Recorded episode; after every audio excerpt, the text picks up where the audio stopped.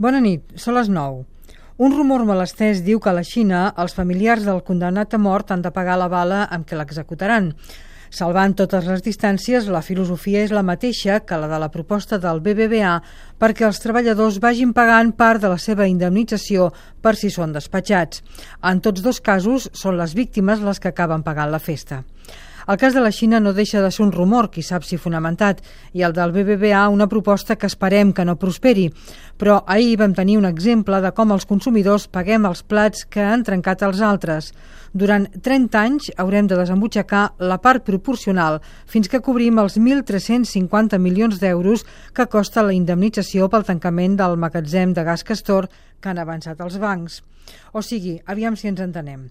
El govern, el de Zapatero en aquest cas, autoritza l'activitat d'una empresa que provoca terratrèmols en un territori fins al punt que el govern de Tor, el de Rajoy en aquest altre cas, decideix que s'ha de tancar.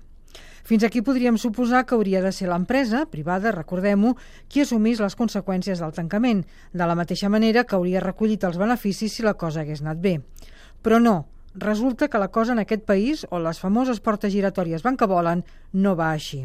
Resulta que el govern, en virtut d'un contracte com a mínim opac, decideix indemnitzar l'empresa però se'n renta les mans i que paguin els consumidors de gas, tant els domèstics com els industrials, que ja em diran quina culpa en tenen de tot plegat.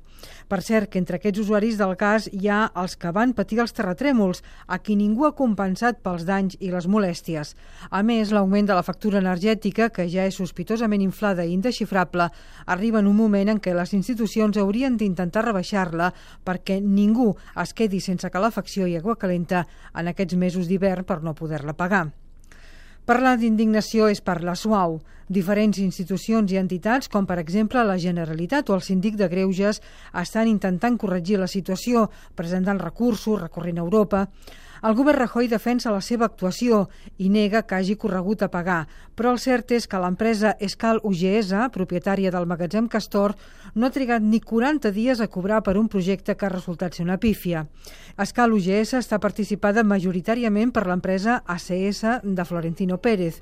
Ja ho diuen que la llotja del Bernabéu és un centre de poder freqüentat per polítics i empresaris on es tanquen negocis i acords de tota mena.